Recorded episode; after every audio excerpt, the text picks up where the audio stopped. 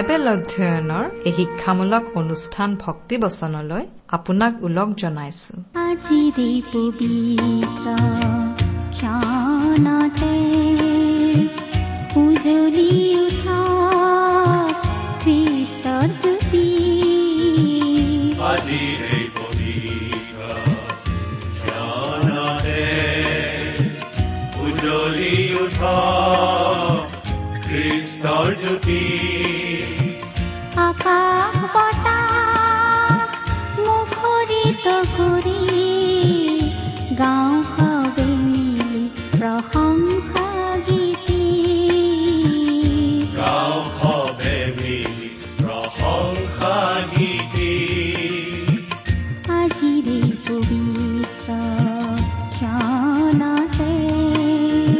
প্ৰিয় শ্ৰোতা আপোনাক আজি আকৌ লগ পাই আমি বৰ আনন্দিত।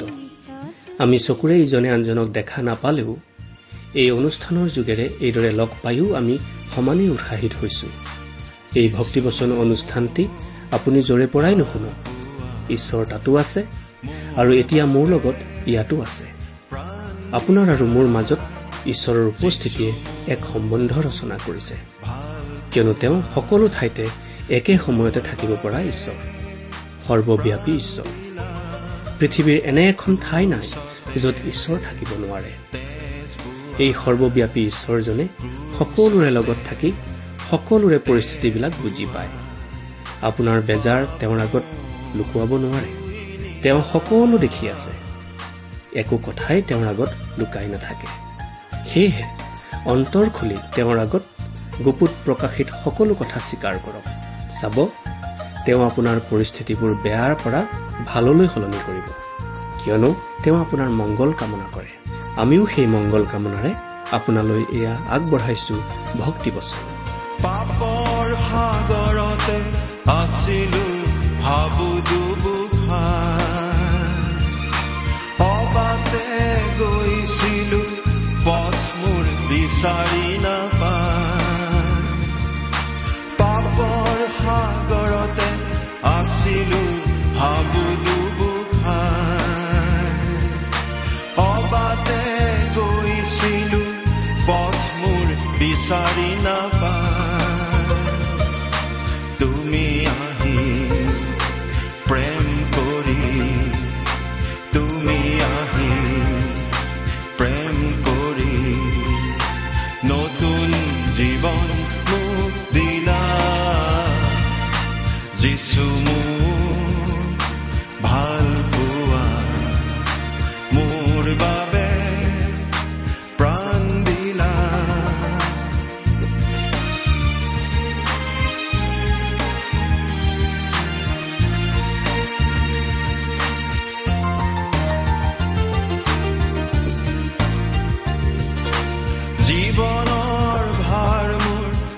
আছিলে পৰ্বত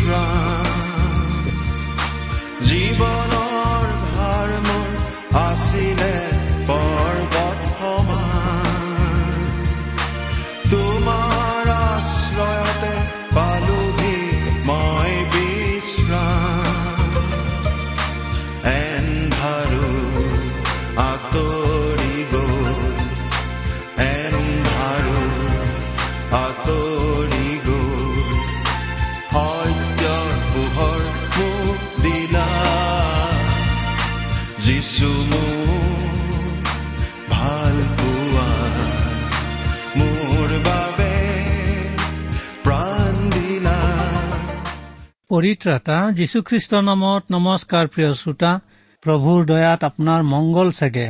আমি বৰ্তমানে কলচীয়া পত্ৰখনৰ পৰা অধ্যয়ন চলাই আছো। ইয়াৰ আগৰ অধ্যয়নত আমি কলচীয়া দুই অধ্যায় এঘাৰ পদৰ পৰা তেইছ পদলৈকে চালো। আজি অধ্যয়ন কৰিবলৈ লৈছো তিনি অধ্যায় এক পদৰ পৰা এঘাৰ পদলৈকে। আপোনাৰ বাইবেলখনত কলচীয়া তিনি অধ্যায় এক পদৰ পৰা এঘাৰ পদলৈকে উলিয়াই লওক। প্ৰয়োজন বুলি ভাবিলে ইটো সিটো বিষয় টুকি লবলৈ লগত বহী কলম লোৱাও ভাল। সি যি কি নহওক বাৰু আহক আমি প্ৰথমে প্ৰাৰ্থনা কৰো হওক। হে পৰম পিতা সৰগ নিবাসী ঈশ্বৰ আমি আপোনাৰ নামৰ গৌৰৱ প্ৰশংসা কৰো। কাৰণ আপুনি গৌৰৱ আৰু প্ৰশংসাৰ যোগ্য ঈশ্বৰ। আমি আপোনাক ধন্যবাদ জনাওঁ আপোনাৰ দয়াদানৰ বাবে। আপোনাৰ যি দয়াৰ গুণে প্ৰভু আমি আমাৰ অন্ন বস্ত্ৰ সুস্বাস্থ্য আৰু আপোনাৰ পবিত্ৰ বচনৰ বাণী শুনাৰ এই সুযোগ পাইছো। হে প্ৰভু আপোনাৰ পবিত্ৰ চৰণত আমাৰ প্ৰাৰ্থনা এই। আপুনি দয়া কৰি আপোনাৰ বচনৰ বাণী শ্ৰৱণ কৰা আমাৰ প্ৰিয় আগ্ৰহী শ্ৰোতাসকলে আপোনাৰ বচনৰ বাণী বুজি পাবলৈ আৰু বুজি পাই সেইদৰে জীৱন যাপন কৰিবলৈ সহায় কৰক। এই প্ৰাৰ্থনা যাচনা কৰিলো। মোৰ পৰিত্ৰাতা প্ৰভু নাচৰতীয় যীশুখ্ৰীষ্টৰ নামত। আমেন। প্ৰিয় শ্ৰোতা এয়া কলচীয়া তিনি অধ্যায় এক পদৰ প্ৰায় এঘাৰ পদলৈ থকা ঈশ্বৰৰ পবিত্ৰ আৰু জীৱনদায়ক বচনৰ পৰা আপোনালোকৰ বাবে আধ্যাত্মিক আহাৰ। মই বিশ্বাস কৰো মই আপোনালোকৰ ৰান্ধনি হৈছো সিজাই পকাই ভাগ বাতি দিছো। বিশ্বাস কৰো যে প্ৰভুৰ নামৰ ধন্যবাদ কৰি আপোনালোকে ভোজন কৰিবলৈ প্ৰস্তুত হ'ব। পৌলৰ চিঠিবোৰ অধ্যয়ন কৰোতে আমি এটা লক্ষ্য কৰিছিলো এটা কথা আৰু সেই চিঠিবোৰ লিখোতে সদায় তেওঁ বিভাগ কৰি যে লিখে সেই কথাটোৱেই ইয়াৰ মানে লক্ষ্য। বিভাগ দুটা হৈছে তত্বমূলক শিক্ষা আৰু ব্যৱহাৰিক বা প্ৰায়োগিক শিক্ষা। ইংৰাজীত যিহক ডক্ট্ৰিনেল আৰু প্ৰেক্টিকেল বোলা হয় কলচীয়া পত্ৰৰো এই তিনি অধ্যায়টো ব্যৱহাৰিক শিক্ষাৰ অধ্যায়। তিনি অধ্যায়টোৰ লগতে চাৰি অধ্যায়টো ব্যৱহাৰিক শিক্ষাৰ এটা অধ্যায়। এক আৰু দুই অধ্যায় দুটাত আমি তত্বমূলক শিক্ষা আহৰণ কৰিলো। সেই অধ্যায় দুটাত আমি পালো প্ৰভু যীশুখ্ৰীষ্টৰ অগ্ৰগণ্যতাৰ বিষয়ে। তৃত্ব ঈশ্বৰৰ এজন হিচাপে তেওঁ যেনে ব্যক্তি তেনে হিচাপতেই দেখা পালো। তেওঁ হৈছে প্ৰকৃত মানুহৰে প্ৰকৃত মানুহ আৰু প্ৰকৃত ঈশ্বৰৰে প্ৰকৃত ঈশ্বৰ। সৃষ্টিটো তেওঁ অগ্ৰগণ্য কাৰণ তেওঁ নিজে সৃষ্টিকৰ্তা। মুক্তিৰ কাৰ্যতো তেওঁ অগ্ৰগণ্য। কাৰণ তেওঁ নিজেই মুক্তিদাতা। মণ্ডলীটো তেওঁ অগ্ৰগণ্য কাৰণ সেই মণ্ডলীৰ কাৰণে তেওঁ নিজকে বলি উৎসৰ্গ কৰিলে। এতিয়া আমি এনে শাস্ত্ৰাংশ অধ্যয়ন কৰিবলৈ লৈছো য'ত পৌলে জোৰ পৰামৰ্শ দি কৈছে যে আমি আমাৰ জীৱনতো প্ৰভু যীশুখ্ৰীষ্টক অগ্ৰগণ্য হবলৈ দিব লাগে। আজিকালি আমি উৎসৰ্গিতকৰণৰ কথা বৰকৈ শুনো। উৎসৰ্গিতকৰণ মানেনো কি? আমি আমাৰ জীৱনত প্ৰভু যীশুখ্ৰীষ্টক অগ্ৰগণ্য হবলৈ দিয়াটোৱেই উৎসৰ্গিতকৰণ বহু লোকে কব কৰাৰ দৰে আপুনি আপোনাৰ খুচি খেয়ালৰ দৰে চলি মই এজন উৎসৰ্গিত খ্ৰীষ্টীয় লোক বুলি কলে হবনে? বহুতে কিন্তু আজি তেনে আচৰণকে আচৰি আছে। মুখেৰে কয় এটা কিন্তু কামেৰে কয় আন বেলেগ এটা। আচৰণেৰে দেখুৱাই কিবা এটা। নাই সেইদৰে নহব। আপোনাৰ জীৱনত যদি খ্ৰীষ্ট বাস্তৱিকতে অগ্ৰগণ্যতা লাভ কৰিছে তেন্তে আপুনি স্বাভাৱিকতে প্ৰভুৰ ইচ্ছাৰ দৰে এই জগতত জীৱন ধাৰণ কৰি যাব পাৰিব লাগিব। তত্বমূলক শিক্ষাৰ ভাগত পৌলে ইতিমধ্যে এই বিষয়ে স্পষ্ট কৰি দি এইদৰে কৈছে কিয়নো তেওঁ ঈশ্বৰত্বৰ সকলো সম্পূৰ্ণতা শাৰীৰিক ৰূপে নিবাস কৰে আৰু তোমালোক তেওঁতেই পূৰ্ণ আছা তেওঁ আধিপত্য আৰু ক্ষমতাৰ মূৰ। কলচীয়া দুই অধ্যায় ন আৰু দহ পদ। আপুনি তেওঁত অৰ্থাৎ প্ৰভু যীশুখ্ৰীষ্টত সম্পূৰ্ণ হৈছে। তেওঁত থাকি আপুনি আপোনাৰ জীৱন যাত্ৰাৰ বাবে প্ৰস্তুত হ'ব পাৰিছে। আন কথাত খ্ৰীষ্টই আপোনাৰ জীৱনৰ সকলো সমস্যাৰ উত্তৰ হৈছে।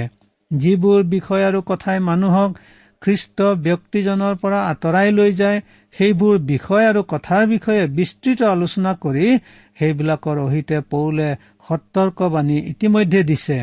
খ্ৰীষ্টৰ নিচিনা জীৱন যাপন কৰাই হৈছে খ্ৰীষ্টীয় বিশ্বাসৰ জীৱন যাপন। এই জীৱন যাপনৰ বাবে আমাক যি যি লাগে সেই সকলো আমি খ্ৰীষ্টতেই পাব পাৰো। এই ব্যৱহাৰিক শিক্ষাৰ ভাগটোৰ যোগেদি ঈশ্বৰৰ সম্পূৰ্ণতা যি খ্ৰীষ্ট পৌলে সেই খ্ৰীষ্টক আমাক দেখুৱাব।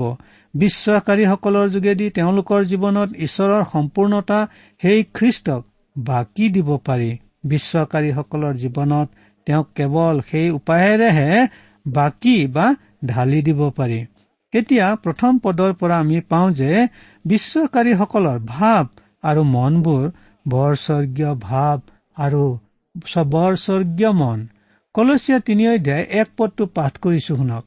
এতেকে তোমালোকে যদি খ্ৰীষ্টে সৈতে তোলা হলা তেন্তে ঈশ্বৰৰ সোঁহাতে যি ঠাইত খ্ৰীষ্ট বহি আছে ওপৰত থকা সেই ঠাইৰ কথা বিচাৰিবা। ইয়াত উল্লেখ কৰা যদি বোলা শব্দটো কিবা এটা চৰ্তৰ যদি নহয় বৰং এয়া বিতৰ্কৰহে যদি। কলচীয়া তিনি অধ্যায় তেইছ পদতো আমি ইতিমধ্যে এই যদিৰ বিষয়ে পাই আহিছো। কিন্তু কলচীয়া তিনি অধ্যায়ৰ এক পদত যদি শব্দটো এৰাই চলিও যিহেতু তোমালোক খ্ৰীষ্টে সৈতে তোলা হৈছে বুলিও বাক্যটো অনুবাদ কৰিব পৰা গ'লহেঁতেন। গতিকে সম্পূৰ্ণ বাক্যটো এনেদৰে সজাব পাৰি। যিহেতু তোমালোক খ্ৰীষ্টে সৈতে তোলা হৈছা সেয়ে সেই ওপৰৰ কথা বিচাৰিবা যিটো ওপৰত ঈশ্বৰৰ সোঁহাতে খ্ৰীষ্ট বহি আছে। এই পদটোৰ মতে আজি আমি কি কৰিব লাগিব? ওপৰত থকা বিষয়বোৰ আমি বিচাৰিব লাগিব। গ্ৰীক ভাষাত বিচৰা শব্দটোৰ বাবে যিটো শব্দ ব্যৱহাৰ কৰা হৈছে তাৰ অৰ্থটো হৈছে জৰুৰীভাৱে প্ৰয়োজন হোৱা ইচ্ছা থকা আৰু তাৰ বাবে বৰ জোৰ আকাংক্ষা থকা। আন কথা যেতিয়া আমি আধ্যামিকভাৱে কিবা বিচাৰো সেই বিচৰাত এক উত্তেজনা থাকিব লাগে। আমি কেতিয়াবা প্ৰতিযোগিতামূলক খেলবোৰ চাই কি দেখো? দহজনে দৌৰে আৰু দহজনে প্ৰথম হবলৈ বিচাৰে। কি আশা আকাংক্ষা লৈ তেওঁলোকে দৌৰে? কেনেদৰে আপ্ৰাণ চেষ্টা কৰে? মই ভাবো যে কোনেও ৰূপৰ বা তামৰ পুৰস্কাৰৰ কথা মনত নাৰাখে। সেই সময়ত বোধহয় সকলোৱে প্ৰথম হৈ সোণৰ পুৰস্কাৰটো পাবলৈকে বিচাৰে। প্ৰিয় শ্ৰোতা খেলুৱৈসকলে সঁচা আৰু অক্ষৰিক অৰ্থতেই পুৰস্কাৰ পাবলৈ বিচাৰে। কিন্তু বৰ পৰিতাপৰ কথা যে আমি আমাৰ আম্মিক দৌৰত পুৰস্কাৰ পাবলৈ নিবিচাৰো আমাক ওপৰৰ অৰ্থাৎ সৰগৰ কথা বিচাৰিবলৈ কৈছে। মানুহৰ জীৱনত সৰগৰ কথাটোৱেই সোণৰ মেডেলৰ নিচিনা। সৰগৰ কথা আমি কি বিচাৰিম? সৰগত ঈশ্বৰৰ সোঁহাতে বহি থকা জনাত বাদে আমি কাক বিচাৰিম? তেওঁক জানিবলৈ তেওঁক বিচাৰি পাবলৈ উপায় কি? তেওঁক কেনেকৈ জানিম? কেনেকৈ বিচাৰি পাম তেওঁক? প্ৰিয় শ্ৰোতা সৰগত ঈশ্বৰৰ সোঁহাতে বহি থকা সৰ্বমানৱৰ পৰিত্ৰাতা প্ৰভু যীশুখ্ৰীষ্টক জানিবলৈ আৰু তেওঁক বিচাৰি পাবলৈ আপুনি ইচ্ছা কৰেনে? তেওঁক জানি আৰু বিচাৰি পাবলৈ তেওঁ আমাক এনেকি গোটেই মানৱ জাতিক এটা মাধ্যম দি গৈছে। তাৰ যোগেদি নিশ্চিতভাৱে তেওঁক জানিব আৰু বিচাৰি পাব পাৰি। কাৰণ সেই মাধ্যম হৈছে তেওঁৰ নিজৰ পবিত্ৰ আৰু জীৱনদায়ক বচন যি আজি গোটেই জগতজুৰি বাইবেল নামে পৰিচিত। প্ৰিয় শ্ৰোতা প্ৰভু যীশু খ্ৰীষ্টক জনা আৰু বিচৰাটো প্ৰতিজন মানৱৰ বাবে অপৰিহাৰ্যভাৱে প্ৰয়োজনীয় কাৰ্য। কাৰণ আপুনি মই আৰু সকলোৱে তেওঁক বিচাৰি পালেই আমি জীৱনৰ সকলো বিচাৰি পাম। অৱশ্যে মানুহে তেওঁক বিচাৰি বিচাৰি কেতিয়াও বিচাৰি নাপালেহেঁতেন যদি আজিৰ পৰা দুই হাজাৰ বছৰৰ পূৰ্বে তেওঁ নিজকে মানুহৰ ইতিহাসত ধৰা নিদিলেহেঁতেন বা প্ৰকাশ নকৰিলেহেঁতেন তেওঁ মানুহৰ ধৰালৈ আহিলে নিজকে কেৱল প্ৰকাশ কৰিবলৈকে নহয় কিন্তু প্ৰকাশ কৰাৰ লগে লগে পাপ সমুদ্ৰত ডুব গৈ থকা ঈশ্বৰৰ পৰা হেৰাই থকা যি আপুনি আৰু মই আমাক বিচাৰি ৰক্ষা কৰিবলৈকো তেওঁ আহিলে।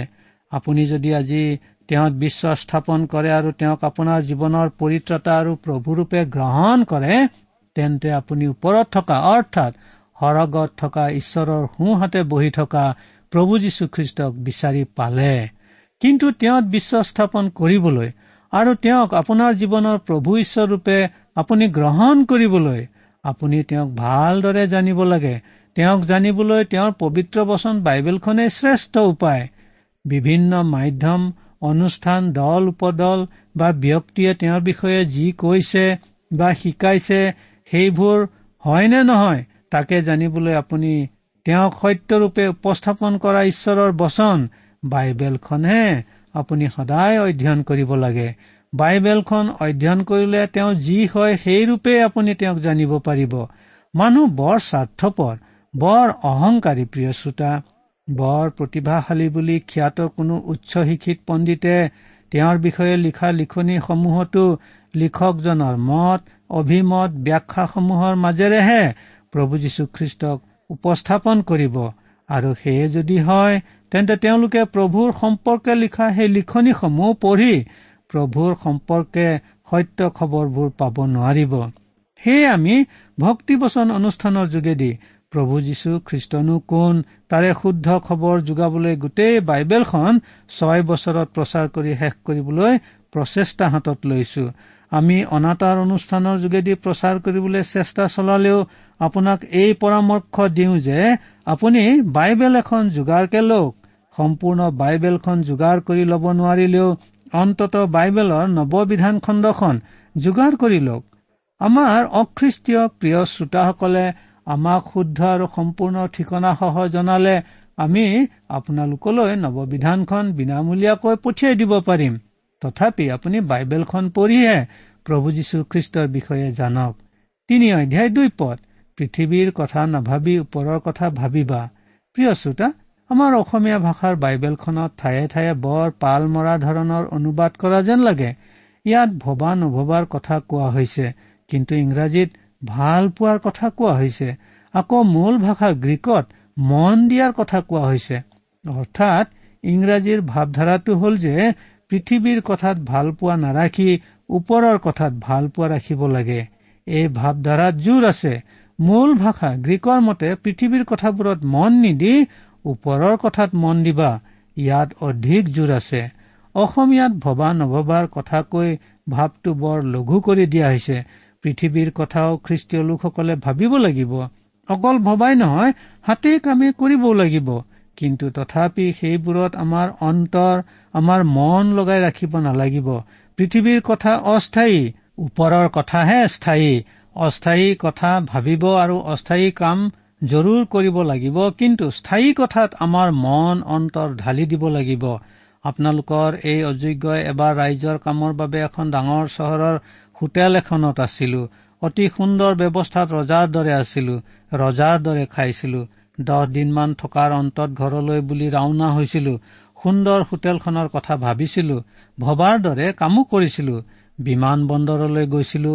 বিমান বন্দৰ আৰু বিমানৰ কথাও ভাবিছিলো। বিমানখনত আৰোহণ কৰাৰ পূৰ্বে কৰিবলগীয়া কামখিনিও কৰিছিলো। আকাশমাৰ্গৰ ঘন পাতল মেঘৰ বুকু ফালি ফালি বিমানখন উৰোতে বিমান উৰণৰ কথাও ভাবিছিলো।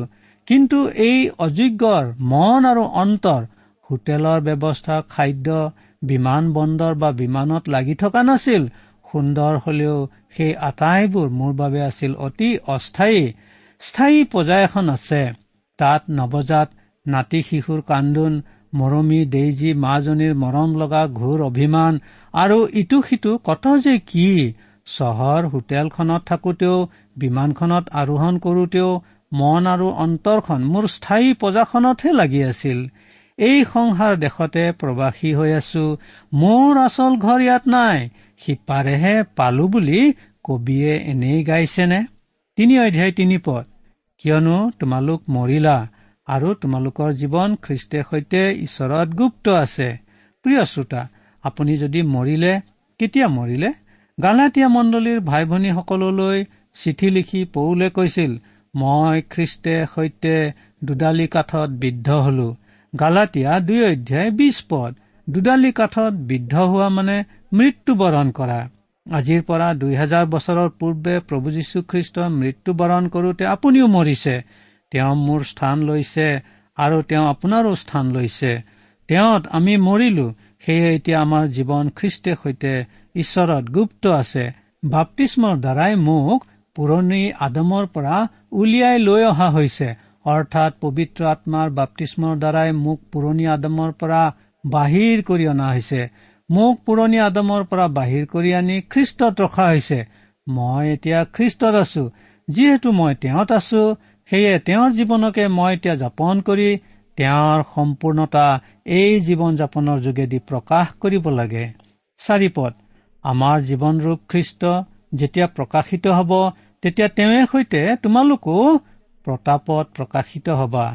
এতিয়া যদি আমাৰ কিবা জীৱন আছে তেন্তে সেয়া হৈছে খ্ৰীষ্টৰ জীৱন আৰু খ্ৰীষ্টৰ জীৱন অনন্ত জীৱন। শেষৰ দিনা যেতিয়া তেওঁ মহাপ্ৰতাপেৰে প্ৰকাশিত হ'ব তেতিয়া তেওঁৰ জীৱনধাৰী যি আমি আমিও সেইদিনা গৌৰৱেৰে প্ৰকাশিত হম। প্ৰিয় শ্ৰোতা আমি যদি প্ৰকৃতৰূপে খ্ৰীষ্টে সৈতে মৰি তেওঁৰ সৈতে পুনৰ উঠিত হৈছো তেন্তে সেয়া দুই প্ৰকাৰে বা দুটা কথাত প্ৰকাশ পাব।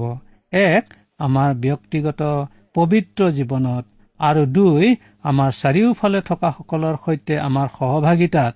পবিত্ৰতা বুলি ক'লে বহু খ্ৰীষ্টীয় লোকে ভয় খায়।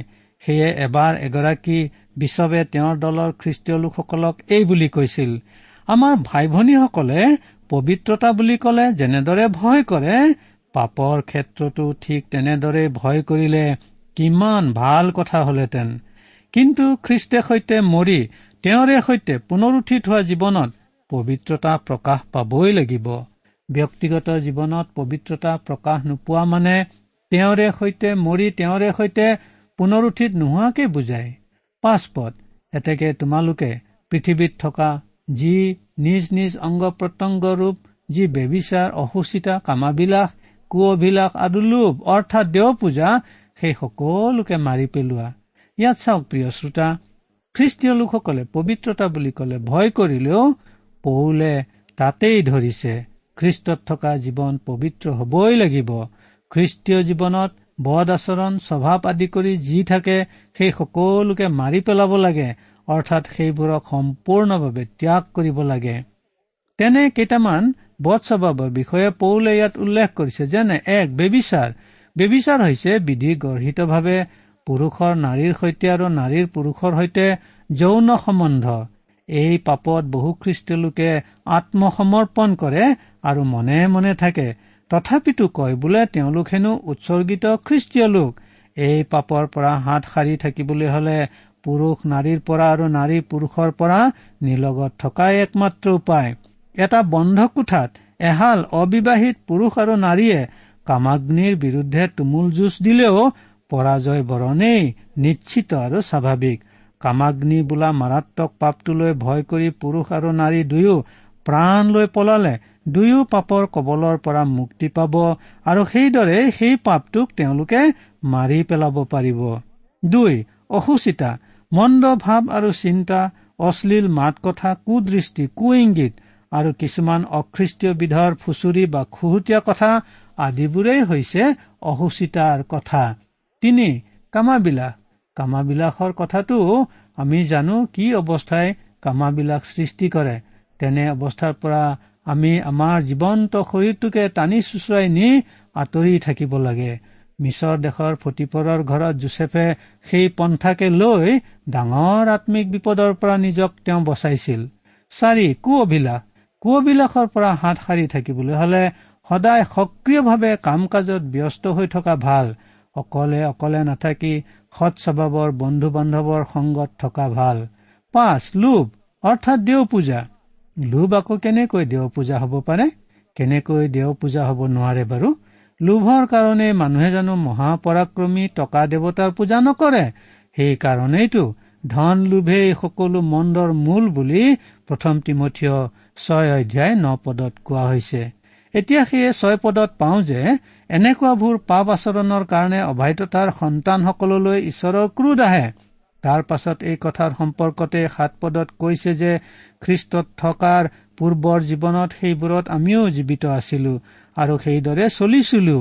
কিন্তু এতিয়া খ্ৰীষ্টত থাকি খ্ৰীষ্টৰ জীৱন যাপন কৰিবলৈ লোৱা জীৱনত ব্যবিচাৰ অসুচিতা কামাবিলাস কুঅভিলাস আৰু লোপ আদিৰ উপৰিও ক্ৰোধ খং হিংসা নিন্দা আৰু মুখৰ পৰা ওলোৱা অৱচনীয় বচনসমূহ সম্পূৰ্ণভাৱে ত্যাগ কৰিব পাৰিব লাগে। ঠিক ঠাই আৰু ঠিক কাৰণত ক্ৰোধ বা খং কৰিব পাৰি কিন্তু সকলো ঠাই সকলো কাৰণতেই ক্ৰোধ খংটো খ্ৰীষ্টীয় আচৰণ হ'ব নোৱাৰে। তিনি অধ্যায় আঠ পদত তাকেই কৈছে পৌলে আৰু এটা বদ গুণ ত্যাগ কৰিবলৈ কৈ ন পদত এইদৰে কৈছে যাতে ইজনে সিজনক মিছা কথা কৈ খ্ৰীষ্টৰ জীৱন যাপনৰ জীৱনত চেকা লগোৱা নহয়। খ্ৰীষ্টৰ জীৱন পোৱাৰ পূৰ্বে পুৰণি পুৰুষৰ জীৱনত সেইবোৰ সহজে চলিছিল। সেই পুৰণি পুৰুষ ফটাকানিৰ নিচিনা আছিল। এতিয়া তাক শুলুকাই দলিয়াই পেলোৱা হল। সেয়ে পুৰণি পুৰুষৰ আচৰণ এতিয়া আৰু নচলিব।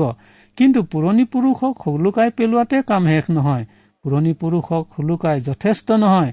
আমি নতুন পুৰুষক পৰিধান কৰিব পাৰিব লাগিব আৰু প্ৰভু যীশুখ্ৰীষ্টই হৈছে সেই নতুন পুৰুষ। বা বস্ত্ৰ। আৰু এতিয়া এঘাৰ পদত কোৱা হৈছে যে খ্ৰীষ্টক নতুন বস্ত্ৰৰূপে পৰিধান কৰাৰ পাছত তেওঁলোকৰ মাজত ধৰ্মীয় জাতীয় আৰু সামাজিক বিভাজন থাকিব নোৱাৰে। গ্ৰীক আৰু যিহুদী অসভ্য লোক আৰু স্কুঠীয়া আছিল জাতিৰ বিভাজন। চুন্নত আৰু অচিন্নত আছিল ধৰ্মীয় বিভাজন আৰু দাস আৰু স্বাধীন আছিল সামাজিক বিভাজন। কিন্তু এতিয়া খ্ৰীষ্টত আমি থকাৰ পৰা সেই সকলো বিভাজন আমাৰ মাজত থাকিবই নোৱাৰে।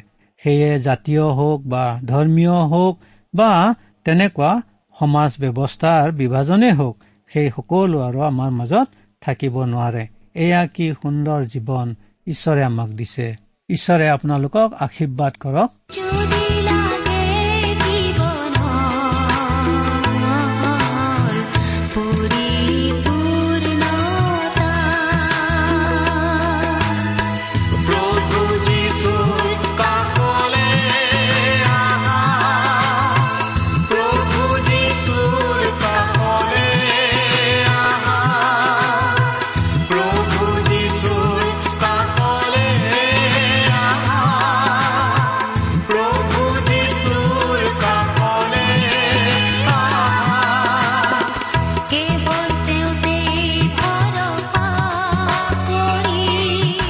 শ্ৰোতা ইমান পৰে আপুনি বাইবেল শাস্ত্ৰৰ পৰা ঈশ্বৰৰ বাক্য শুনিলে। এই বিষয়ে আপোনাৰ মতামত জানিবলৈ পালে আমি নথৈ আনন্দিত হ'ম। আমি প্ৰস্তুত কৰা বাইবেল অধ্যয়নৰ চিডিসমূহ পাব বিচাৰিলে আৰু অনুষ্ঠানত প্ৰচাৰ কৰা কোনো কথা বুজিব লগা থাকিলেও আমালৈ লিখক। আমাৰ যোগাযোগৰ ঠিকনা ভক্তিবচন ট্ৰান্সপল ৰেডিঅ' ইণ্ডিয়া ডাক বাকচ নম্বৰ সাত শূন্য গুৱাহাটী সাত আঠ এক শূন্য শূন্য এক।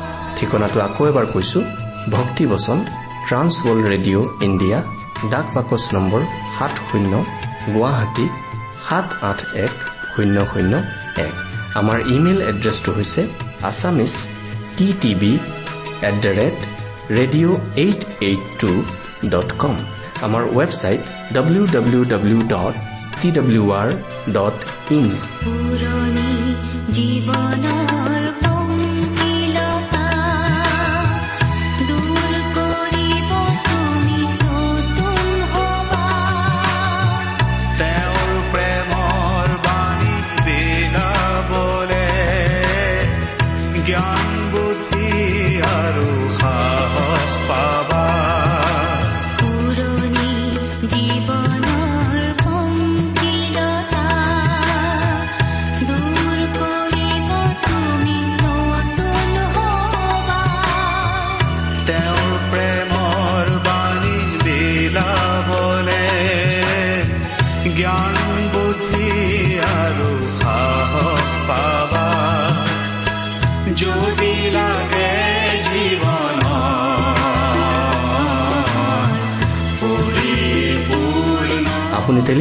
মাধ্যমেৰেও আমাক যোগাযোগ কৰিব পাৰে। আমাৰ টেলিফোন নম্বৰটো হৈছে nine eight five four zero' four zero' eight eight nine. Phone নম্বৰটো আকৌ এবাৰ কৈছো ন আঠ পাঁচ চাৰি শূন্য চাৰি শূন্য আঠ আঠ ন। আপুনি এই ভক্তিবচন অনুষ্ঠানটি আমাৰ website W W W dot radio' eight eight two dot কমতো শুনিব পাৰিব। আজিৰ অনুষ্ঠানটি ইমানতেই সামৰিছো। ঈশ্বৰৰ শান্তি আৰু অনুগ্ৰহ আপোনাৰ লগত থাকক। ধন্যবাদ।